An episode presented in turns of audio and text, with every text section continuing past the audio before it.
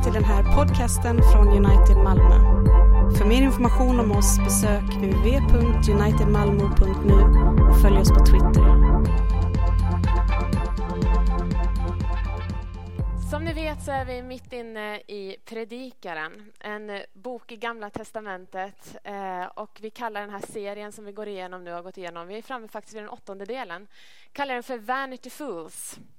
Eh, och eh, vi tittar lite grann på det som Salomo faktiskt begrundade för några ja, tusen år sedan, måste man ju säga, det var ganska länge sedan. Men han såg ut över världen, över jorden. Salomo som faktiskt hade varit kung i Israel, Salomo som hade enorma rikedomar. Eh, och verkligen hade fått vara med och sett väldigt mycket och hade väldigt, väldigt stor visdom. Och när Salomo liksom begrundade och tittade på allt det som han såg så skrev han ner utifrån den visdomen som han faktiskt fick till sig en bok i Bibeln som heter just Predikaren. Och den här boken har vi nu gått igenom ett antal gånger och vi ska fortsätta även den här dagen. Och Salomo tar upp ett nytt ämne. Eh, och det ämne som vi ska gå igenom nu, det kan vi, en del av oss kanske känna, nej, men det här är väl lite känsligt. Det är inte liksom det som jag brukar gå in till min granne över en kaffe, eh, liksom över en latte och bara sitta och prata om, för vi ska nämligen prata om pengar. Eh, och vi kan tycka kanske att det, är, men det är en privatsak. Liksom. Är det verkligen något som vi ska prata om, om i kyrkan?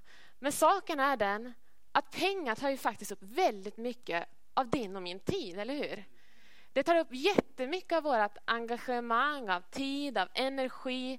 Eh, och det är faktiskt någonting som Bibeln tar upp därför att det upptar mycket av dig och mig.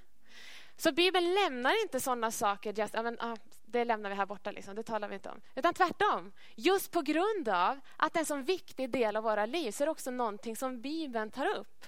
Vilket jag är väldigt tacksam för. För det är någonting som vi faktiskt behöver hjälp med. Hur ska vi hantera pengar? Hur ska vi se på pengar? Så även om vi kanske känner oss lite obekväma ibland med att tala om pengar så är inte Bibeln ett dugg obekväm.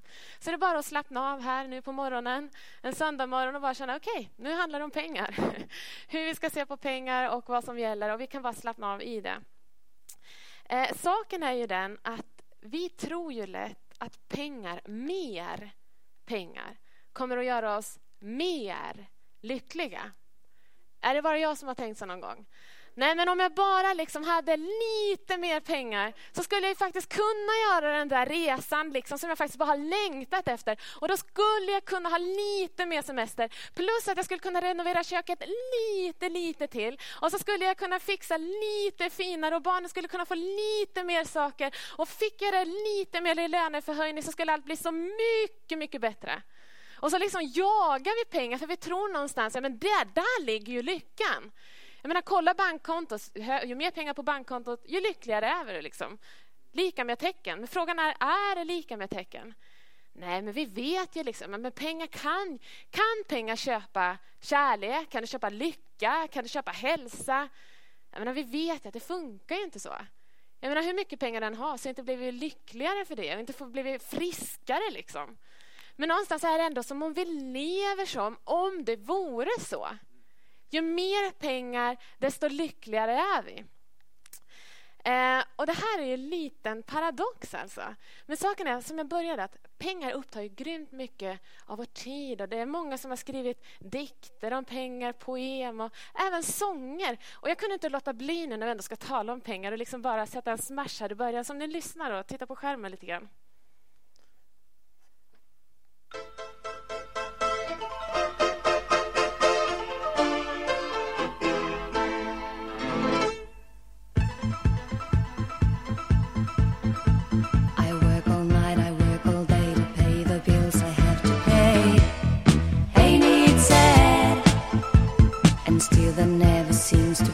too bad. In my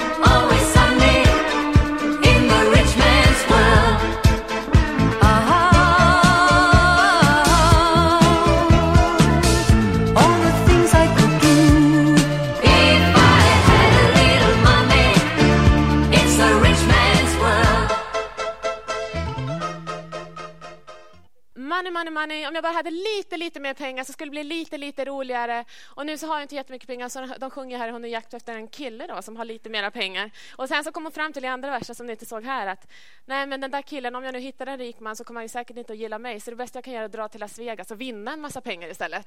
Så jag menar, man kan alltid försöka hitta lösningar på problemet. Men saken är den att jakten på pengar, den har alltid funnits i alla, alla tider. Och Det är det som Salamo tar upp i den här texten som vi snart ska gå in på här idag.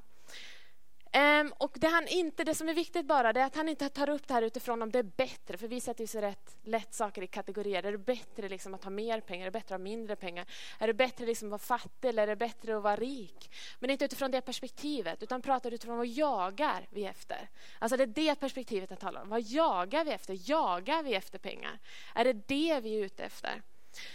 Och Salomo säger det i texten att jakten efter rikedom och efter pengar. Det är som jakt, att jaga efter vind. Du kommer aldrig bli tillfredsställd, för du kan inte fånga vinden. Hur mycket den försöker så bara går det inte. Du kommer inte få nog. Och på samma sätt är det när vi jagar pengar. Vi får inte nog.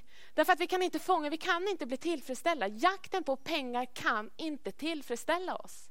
Det är grunden när vi går in i dagens text. Saken är den att det inte bara är gamla testamentet man talar om pengar. Det finns jättemycket om det här ämnet även i Nya testamentet. Nya testamentet talar fem gånger mer om pengar än om bön. Jesus gav totalt sett 38 liknelser i NT. 16 av dem handlar om pengar. Och Då kan man undra varför allt det här pratet om pengar. Och Jesus säger nog bäst när han talar i Matteus 6 och 28. Han säger att ty där din skatt är, där kommer faktiskt också ditt hjärta att vara. Så frågan är, var har du ditt hjärta? Var har du din skatt någonstans? Vem är det som äger dina pengar? Är det du som äger dina pengar? Eller äger dina pengar dig? För saken är den att pengar, det är en bra tjänare, men det är en urusel herre. Så Jesus är ute efter, och Gud är ute efter också när det gäller predikan, att titta på att okej, okay, hur ser vi på pengar? Låter vi dem äga oss eller äger vi dem? Okej, okay? är ni redo att gå in i dagens text? Predikaren kapitel 5 och vi ska läsa från 5 vers 9 till 6 och vers 9. Ni får jättegärna följa med på skärmarna. Den som älskar pengar blir inte mätt på pengar och den som älskar rikedom får aldrig nog. Också detta är förfänglighet. När ägodelarna förökas är det många som äter av dem. Vilken nytta har ägaren av dem utom att hans ögon får se dem. Ljuv är arbetarens sömn. Han må ha litet eller mycket att äta. Men den rikes överflöd ger honom ingen ro att sova. Ett svårt elände har jag sett under solen, hopsparad rikedom som blir sin ägare till skada. Går denna rikedom förlorad genom någon olycka och ägaren har en son så får denne ingenting. Som han kommer ut ur moderlivet lika naken måste han gå bort igen. För sitt slit får han inget att ta med sig. Också detta är ett svårt elände. Han ska gå bort som han kom. Vad vinner han som mödar sig för vinden? Ja, alla dagar lever han i mörker och med mycket oro, sjukdom och besvikelse. Se, det här är vad jag har insett, säger Salomo. Det är gott och skönt att människan äter och dricker och gör sig goda dagar mitt i sin möda när hon strävar under solen. De levnadsdagar som Gud ger henne, till detta är hennes del. Om Gud ger rikedom och skatter åt någon och dessutom förmåga att njuta av det och ta ut sin del och finna glädje i sin möda, då är det en Guds gåva. Ty han tänker knappt på sina levnadsdagar eftersom Gud ger honom glädje i hjärtat. Jag har under solen sett ett elände som vilar tungt på människorna. Det låter ju inte jättepositivt, eller hur? Det är när Gud har gett rikedom, skatter och ära åt någon så att han inte saknar något av allt han önskar sig. Och Gud sedan inte ger honom möjlighet att själv njuta av det, utan låter en främling göra det. Detta är förgänglighet och en svår plåga. Om en man får hundra barn och lever i många år, ja, hur många, dagar hans en, hur många hans dagar än blir, men han inte får njuta av det goda. Och om han dessutom inte får någon begravning, då säger jag, ett dödfött foster har det bättre än han. Ty till förgänglighet har det kommit, i mörker går det bort och mörkret döljer dess namn. Det fick inte se eller känna solen och det har mer vila än den andra. Ja, även om man levde två gånger tusen år utan att se något gott går de inte ändå till en och samma plats. All människas möda är för hennes mun. Ändå blir själen inte mättad. Vilket företräde har den vise framför dåren? Vad hjälper det den fattige om han förstår att uppföra sig inför de levande? Bättre att njuta av det man har för ögonen än att tråna efter annat. Också detta är förfänglighet och ett jagande efter vind. Det här är dagens text och vi går direkt in i den första punkten som är att ju mer vi har, desto mer vill vi ha. 5 och 9 säger det, den som älskar pengar blir inte mätt på pengar och den som älskar rikedom får aldrig nog. Också detta är förfänglighet. Salomo konstaterar, precis som vi sa här i början, att pengar är ju inte nyckeln till lycka. Tvärtom, vet ni vad pengar gör? Det är beroendeframkallande. Det gör att man bara vill ha mer och mer och mer. Och grejen är att ju mer du har, desto mer vill du ha. Nya liksom nivåer av begär skapas hela tiden. Ju mer du får, desto mer inser du vad du kan ha. Och desto mer behöver du, så behoven bara ökar hela tiden. Så mycket vill ha mer, man blir aldrig tillfredsställd. Jag menar, det är bara att titta på sig själv. Man, bor i, man har flyttat liksom till en lägenhet och så har man bott i den där lägenheten några år och så bara tycker man, fy vad trångt det var här. Nej, men nu måste vi bara ha ett hus. Det här går ju inte. Vi, vi kan inte bo så här. Liksom. Eller så är det så att man har liksom en iPhone 4 och så bara måste man ha en iPhone 5. Det går ju inte att leva annars. Eller man har liksom en Macbook Pro. Och jag menar, man bara måste ha en Macbook Air. Det går ju inte att leva om man inte kan få liksom det här senaste, det bästa, bara lite, lite, lite till. Och det ligger liksom i oss. Det finns liksom det här drivet efter mer, mer, mer. Det är precis som vi blir aldrig mätta. Och det är det som Salomo säger, vi blir inte mätta. Jagar vi efter pengar, det är jagande efter vind. Liksom. Du kan inte fånga, du blir aldrig mätt, du blir aldrig tillfredsställd. Har aldrig fångat det. Och det är den här insikten som han vill dela med sig av. We just can't get enough. Vi vill bara ha mer och mer och mer. Men det som är intressant också, det han säger här, att den som älskar pengar blir inte mätt på pengar. Och den som älskar rikedom får aldrig nog. Vad är, det, vad är det som är problemet? Det är kärleken till pengar. Han säger det vid två tillfällen, att den som älskar pengar. Pengar i sig är inget problem, men det är vårt begär till pengar som är problemet. Kärleken till pengar. Och man brukar säga det att kärleken till pengar är roten till allt ont. Och man behöver inte gå så långt för att se att det faktiskt stämmer ganska väl. Jag menar, kärleken till pengar det är en ganska stor orsak till konflikter. Det kan vara konflikter i äktenskap. Hur många har inte gått skilda vägar, par, på grund av pengar? Eller bara tittar på när kanske föräldrarna dör och barnen är kvar. Vad slåss man om i många fall? Jo, det är arvet. Helt plötsligt är inte relationen lika viktigt, utan nu är det pengarna som är i centrum. Det är det man liksom bara får så här tunnelseende. Och bara det finns liksom någonting i oss. Vi måste vaka över det här. För jag tror faktiskt inte att jag är bättre själv. Jag tror att det, någonstans finns det en, en, någonting som kan trigga igång det här drivet efter att ha mer, ha mer. Det finns i oss som människor. Och vi måste vaka över att det inte tar över i våra liv. Och att det inte är det som leder oss i våra val, i våra beslut, i våra liv. Utan att vi lever för någonting större än pengar. Men grymt mycket i den här världen cirkulerar runt pengar. Det är någon journalist som har sagt så här, att om du vill hitta roten till konflikten eller om du vill se en, alltså ett krig eller vad som helst, så bara följ pengarna. Liksom track back to the money. Alltså bara kolla, vad, okay, vad, vad, vad, liksom, så hittar du någonstans är det pengar som är början till konflikt.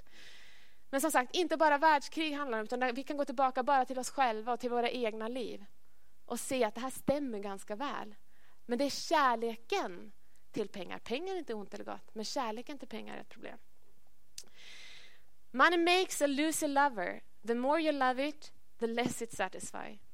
The more you focus on it, the less it delivers. Och fast vi vet att det är det så är vi så frestade. Det liksom bara kliar i fingrarna och tänker om jag bara hade det här. Om vi bara hade ett större hus, större lägenhet, lite mer pengar, kunde resa lite mer. Och det är inget fel att längta, men det får inte vara det som är drivkraften. Det får inte vara det som vi jagar efter. Det var någon som frågade John Rockefeller, världens första miljardär. Han levde i slutet av 1800 början av 1900-talet. Han blev faktiskt 100 år nästan, så att, eh, han levde ganska länge. Eh, och han var världens första miljardär. Man frågade honom eh, hur mycket mer pengar vill du egentligen ha? Eh, och då sa han det, bara lite till.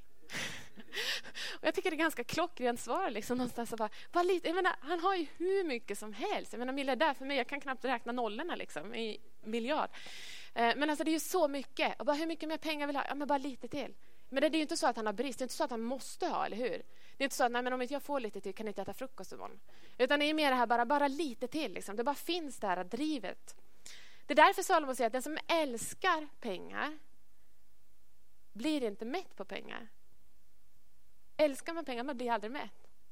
Utveckla inte den kärleken. Ha ingen kärleksaffär med pengar. kommer aldrig tillfredsställa. Problemet är att vi inte tror på Salomon utan vi tänker att vi skulle vara annorlunda. Om jag hade mycket pengar, jag hade inte varit likadan. Liksom. Vi skulle vara jättelyckliga och jag skulle ha det jättebra. Vi tänker att vi skulle agera så annorlunda vara helt, tänka helt annorlunda. Men jag tror inte att vi är annorlunda. Jag tror att vi är ganska lika allihopa. Lyckan ligger inte i hur mycket eller lite pengar som vi har, utan lyckan ligger i vad vi jagar efter. Jagar vi efter pengar kommer vi aldrig hitta lyckan. Jagar vi guld? Jagar vi Gud? Det är frågan. Paulus säger, jag kan leva enkelt och jag kan leva i överflöd. Med allt och med alla förhållanden är jag förtrogen. Jag kan vara mätt och jag kan vara hungrig, leva i överflöd och lida brist. Allt förmår jag i honom som ger mig kraft. Så idealet det handlar liksom inte om att det är något fel, liksom fel att vara rik, fel att vara fattig eller något sånt. Det handlar inte om det alls, utan det handlar om vad jagar vi efter. För grejen är att en rik människa kan ju tänka otroligt mycket på pengar för att de har så mycket. Men en fattig kan tänka minst lika mycket pengar, på pengar för att de inte har någonting. Så att jag menar, pengar kan vara en drivkraft oavsett om man är rik eller fattig. Men det är inte det det handlar om, utan det handlar om vad jagar vi efter? Vem är vi ute efter? Vad är det som driver oss i våra liv? Ju mer vi har, ju mer vi spenderar vi. När ägodelarna förökas, står det predikaren 5 och 10. Eh, när ägodelarna förökas är det många som äter av dem. Vilken nytta har ägaren av dem utom att hans ögon får se dem? De bara passerar så här, kontot liksom. Du bara ser att det har funnits pengar och sen bara vips borta. Ju mer vi har, ju mer vi spenderar vi. Har du märkt det? Att det är liksom inga problem. Om du får en liten löneförhöjning så är det inte så att helt plötsligt bara har ett supermycket pengar efter några månader spara på kontot. Utan ju mer du har, desto mer spenderar vi. Det bara flyger. Men åh, får jag lite till, då vet jag precis vad jag ska göra med de pengarna. Så utgifterna ökar i samma takt som inkomsterna.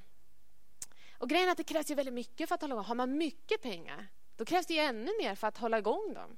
Jag menar, du behöver någon som tar hand om du behöver någon redo, som eh, red, redovisningsfirma som sköter om allting, bokföring, du behöver massa saker som bara tar hand om allting. Om du har riktigt mycket pengar. Då behöver du mer. Och saken är att det inte bara är så, utan ju mer pengar du har, desto mer är det helt plötsligt som är intresserad av dina pengar och vill ha dina pengar. Helt plötsligt så har du massa såna nyfunna släktingar som kommer och knackar på dörren. Hej, liksom, jag är din systers, mors, brors, farbrors dotter. Ja, okay. Alltså helt plötsligt är det många som vill ha eh, av det som du har. Ordspråksboken 19.4 säger att rikedom skaffar många vänner. Men våra problem försvinner ju inte med pengar, utan vi får ju nya problem. Vi tror lösningen det är bara mer, mer pengar. Det är lösningen på mycket av våra problem. Men grejen är att vi får ju nya problem. De här nyfunna vännerna är inte alltid så jättebra vänner. Det andra skapas andra, skapas oro, ångest, andra saker. Inte fel att önska rikedom, men om älskar pengar mer än Gud, då är vi fel ute. Och Salomo ser ju, för han har ju jag menar, så sjukt mycket pengar, Salomo, han var ju en av de rikaste på den tiden. Otrolig rikedom. Det är bara att läsa i Bibeln och se vilken enorm rikedom Salomo hade. Men när han tittar på sig själv och på sitt eget liv så märker han att ju mer han har, desto mer oroar han sig. Och det är nästa punkt, att ju mer vi har, ju mer oroar vi oss. Ljuv är arbetarens sömn, står det i Predikan 5 och 11. Han må ha litet eller mycket att äta, men den rikes överflöd ger honom ingen ro att sova.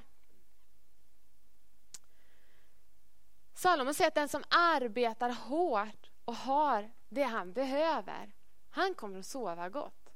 Men den som är rik och har massa grejer, han kommer inte kunna sova för han bara ligger och oroar sig. Han kan inte somna på kvällen för han sitter och funderar hur händer det, vad händer med det och hur ska det gå med det här och vad ska hända med det. Så rikedom, säger Salomo, det ger oss inte frid och det ger oss inte vila. Utan det kan ge oss oro, konstaterar han.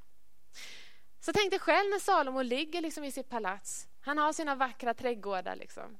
Han har det hur bra som helst. Och så bara, ja, men nu ska jag ut och njuta av min liksom, nya fina stora pool här och lägga mig vid poolen. Så ligger han vid poolen, njuter han. När jag bara tänker, hur ska det gå med det här?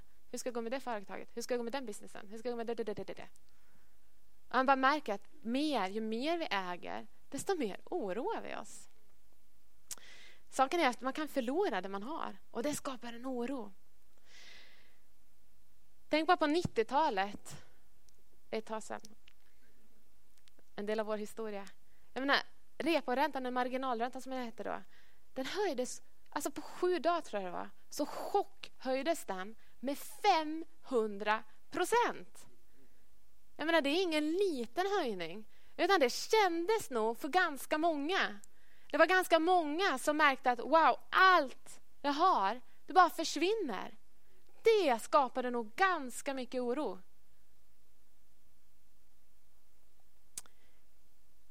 Det är så lätt att vi börjar med att vi äger saker och helt plötsligt äger sakerna oss. Och sakerna bestämmer hur vi mår. Det som vi har satt vår förtröstan till våra saker, våra ägodelar. Det som är så förfängligt. Det som finns ena dagen och är borta andra dagen.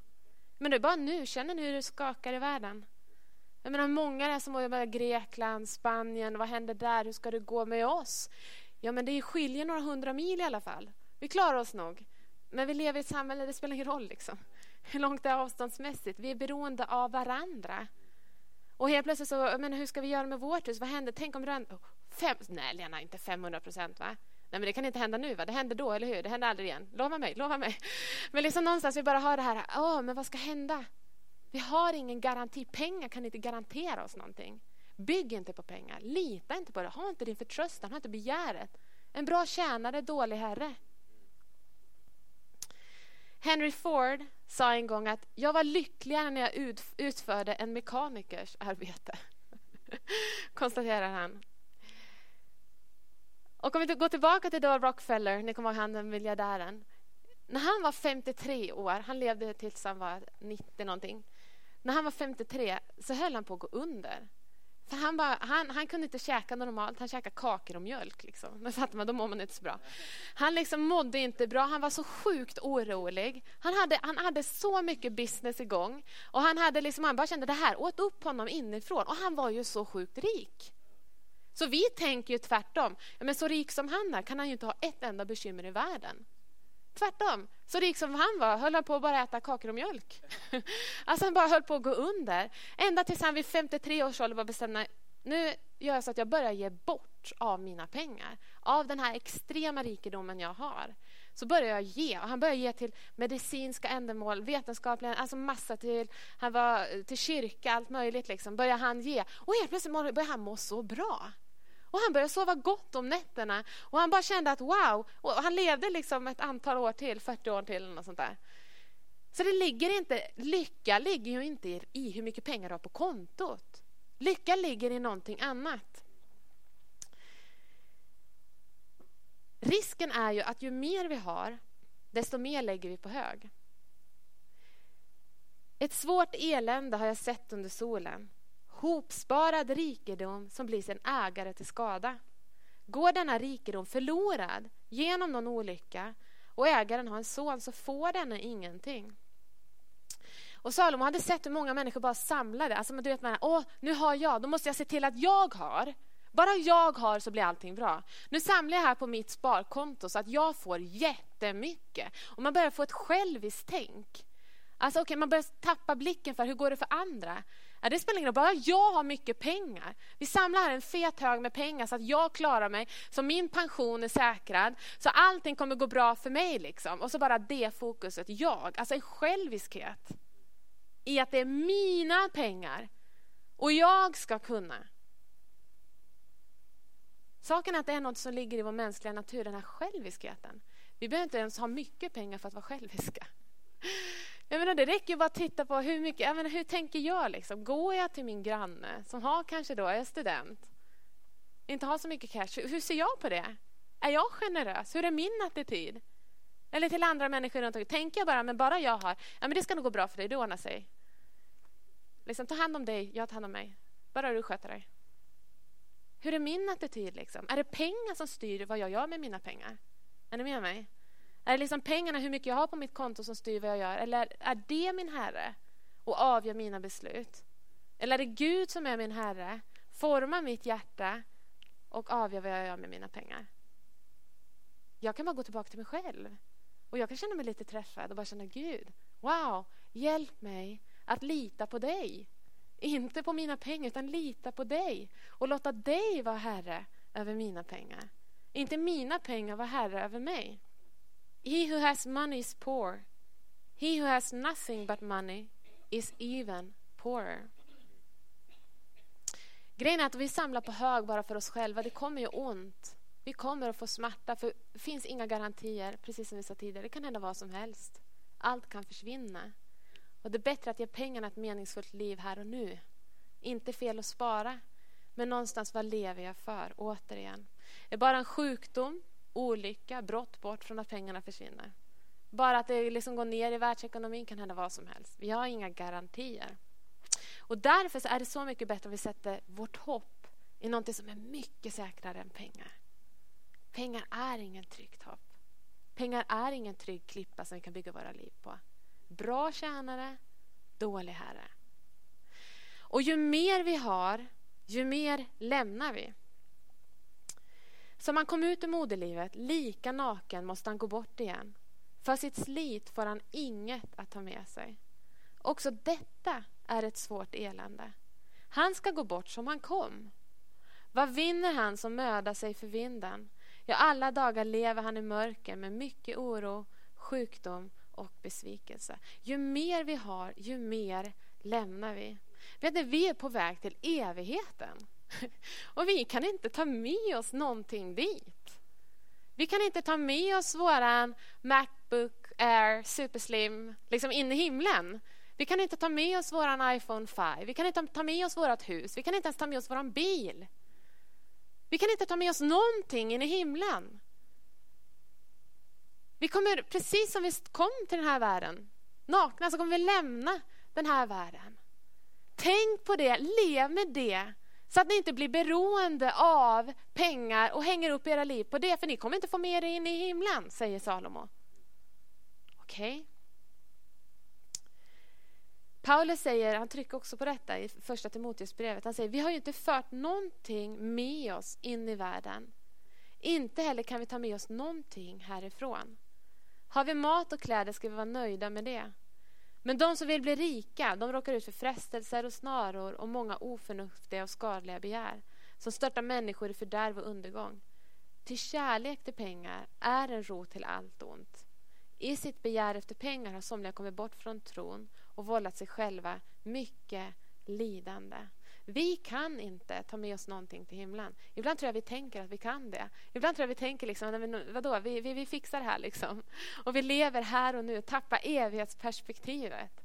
Men vad leva med den, det finns inget, vi kan inte ta med oss någonting. Men någonting vi kan göra är att vi kan samla skatter i himlen innan vi kommer dit. Vi kan skicka någonting framför oss. Vi kan inte ta med oss någonting, men vi kan skicka saker framför oss. Matteus 6.20. Samla er skatter i himlen, där varken rost eller mal förstör och där inga tjuvar bryter sig in och stjäl. Det finns ingen mening med att samla massa pengar på hög. Det finns ingen mening med att bara samla, samla, samla. kommer ändå inte få ta med mig det in. Men jag kan ge men, mina pengar ett meningsfullt liv här på jorden. Genom att låta Gud vara den som styr vad jag gör med mina pengar så att det blir till välsignelse för andra, hjälper andra. Inte med ett egoistiskt syfte att jag ska ha, utan mer okej okay, Gud, hur vill du hjälpa mig att hantera mina pengar på ett rätt sätt? Jag kan samla skatter i himlen. Jag tycker det är häftigt.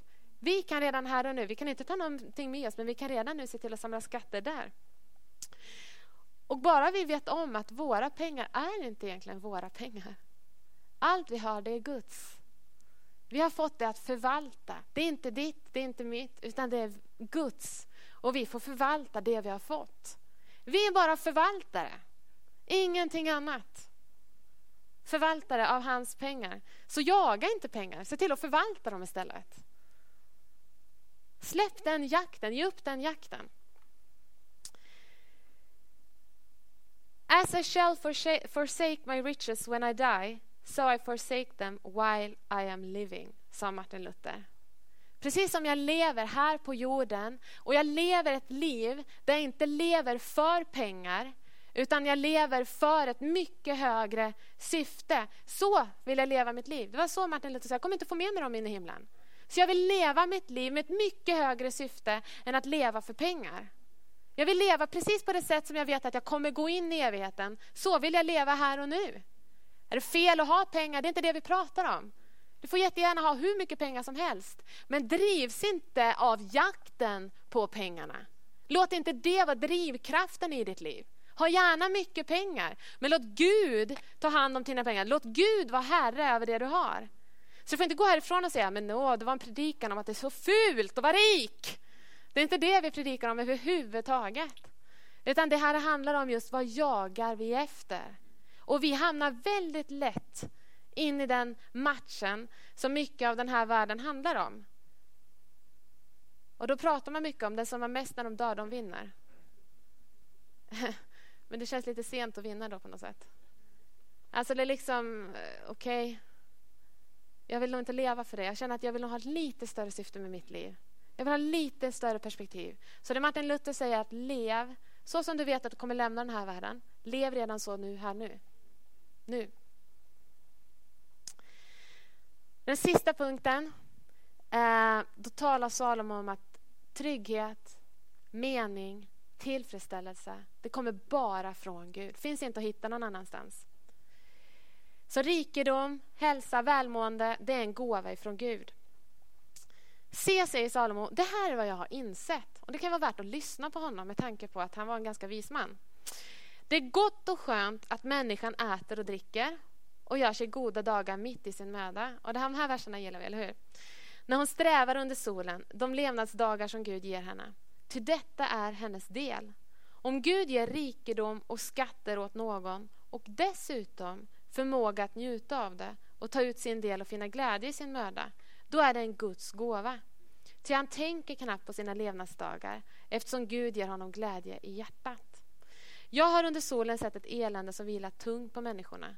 Den är Gud har gett rikedom, skatter och ära åt någon så att han inte saknar något av allt han önskar sig och Gud sedan inte ger honom möjlighet att själv njuta av det utan låter en främling göra det.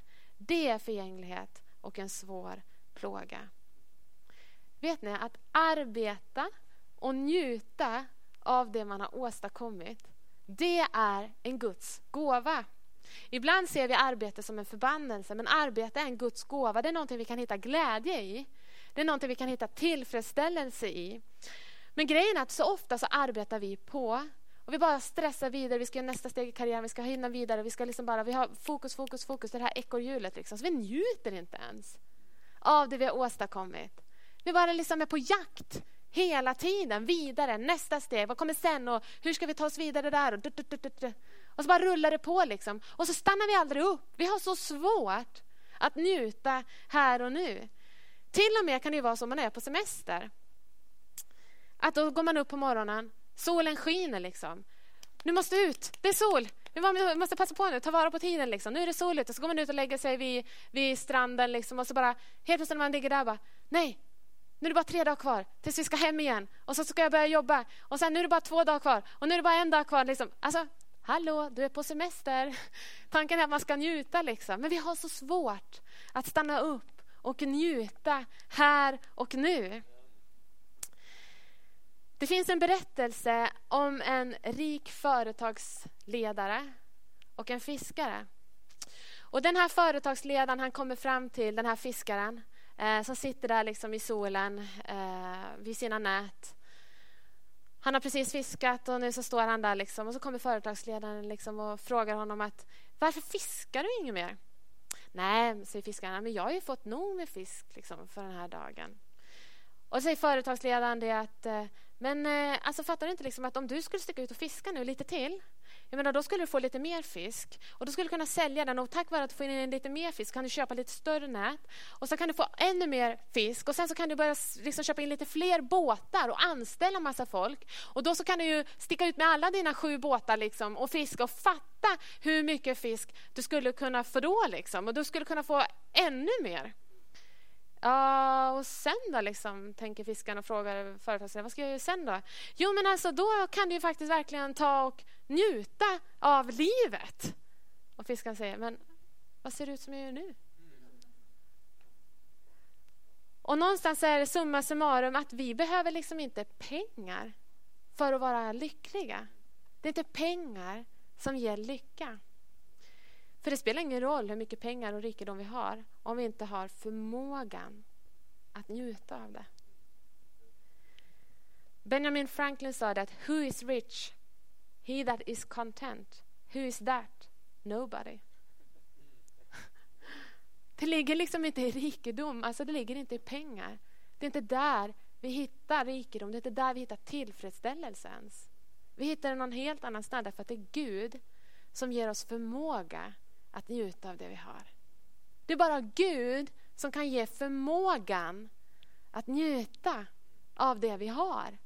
Oavsett hur mycket eller hur lite vi har så behöver vi Gud för att kunna njuta av det, enligt Salomo. Så som han säger det. Så vi vill jättegärna ha de gåvor som Gud ger oss men vi borde vara lite mer upptagna av givaren. Lite mer upptagna av honom som ger de här goda gåvorna så att vi kan njuta av det som är här och nu. Precis som Salomo säger där att om Gud ger rikedom och skatter åt någon och dessutom förmåga att njuta av det och ta ut sin del och finna glädje i sin möda, då är det en Guds gåva. Till han tänker knappt på sina levnadsdagar eftersom Gud ger honom glädje i hjärtat. Det är liksom Gud som ger glädje i hjärtat. Det är inte rikedom. Det är ingenting. Utan det är Gud. Gud är källan. Så vad vi behöver rikta in oss mot är att byta ut den här jakten efter pengar som jag tror att vi alla mer eller mindre lätt hamnar i till jakten efter Gud. Paulus säger i Timoteusbrevet att uppmana dem som är rika i den här världen att inte vara högmodiga eller sätta sitt hopp. Var sätter vi vårt hopp? Var är hoppet? sätta sitt hopp till något så osäkert som rikedom utan till Gud som rikligt ger oss allt att njuta av. Att sätta sitt hopp till Gud, inte till någonting annat. Inte till ägodelar, inte till ditt nästa jobb, inte till den där löneförhöjningen, inte till det där huset, inte till den större lägenheten, inte till den nya bilen, inte till den där fina hunden, inte till någonting annat utan till Gud. Det är ingenting annat som kan ge rikedom, det är ingenting annat som kan ge tillfredsställelse, äkta tillfredsställelse. Det är han som är hoppet. If God is all you have, you have all that you need. Om vi har Gud, då har vi allt som vi behöver. Och Det här är ett statement som du och jag har hört så många gånger så att vi knappt hör det längre. Men lyssna, om vi har Gud, då har vi allt. Allt som vi behöver.